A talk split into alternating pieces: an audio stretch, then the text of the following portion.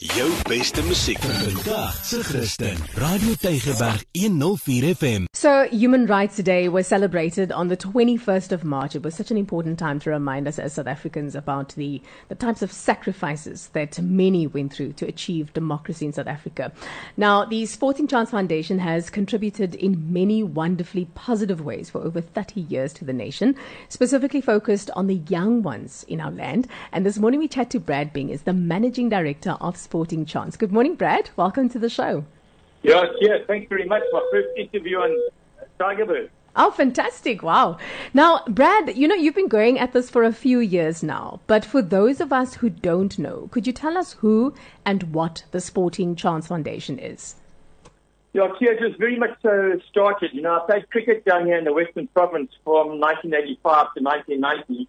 And um, um, I'd come back every, year, and then I'd go and play cricket overseas. And I'd come back every year full of ideas and, and where the international trends are, etc. And I've kind of cycled. And in 1990, I just said, you know, I'm going to start. I'm going to start an organization that actually understands the broader picture of the global spectrum. And I started Sporting Chance, and uh, with the idea to create an equal opportunity for everyone. And Mm. 30 years later, uh, we've reached tens of thousands, if not hundreds of thousands of children and trained up a hell of a lot of coaches to go into schools and communities to work with these kids. And um, we're still doing it. And, and it's just every, every year and every month, it just motivates me more and more to see the amount of talent we've got in this country and how we can take it forward. And Brad, uh, are there any really big highlights that you can share with us? Oh, the highlights for me are, are man, well, first of all, to have lasted 50 years in a tough environment, uh, that has got to certainly be testimony to our business model, you know, that, so that's exciting.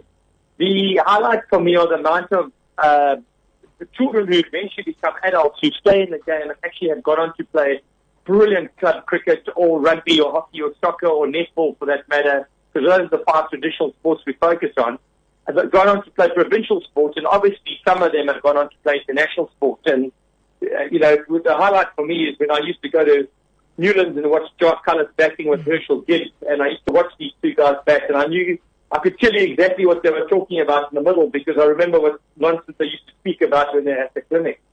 So those are massive highlights for me. You know, another highlight for me was when I used to go and watch Neil de Kock, the Springboks come off. He went and Mm. played the Stormers and, and Saracens and and guys like that went on to play international rugby. But that's not only the highlight for me. The, the highlight for me is the number of children we've touched in the township where those guys have gone on to become uh, successful individuals and businessmen in their own right, let alone just sporting personalities. Amazing. Um, so, Brad, if anyone wants to connect with you, I mean, how can they do that? Yeah, here, very simply. I mean, we've got a fabulous, we've got a brilliant website. Ah. Uh, I've just been going, I've been perusing it before I came on air now. um, uh, and that's at sportingchance.co.za. And, and, and, and I know you've got a very strong Afrikaans listenership, so it's sportgeleentheid, you know, as in chance. And then um, there's Instagram, there's the Facebook page, the Sporting Chance Facebook page. Yeah, you also got to remember we run holiday coaching clinics, we run the school program. Amazing. Um, it's unbelievable stuff we do, you know. And if there's anyone in the northern suburbs or anywhere that's looking to get involved, please, I'd love to hear from them. Wonderful. Thank Wonderful. you. Thank you so much for chatting us uh, to us today, Brad.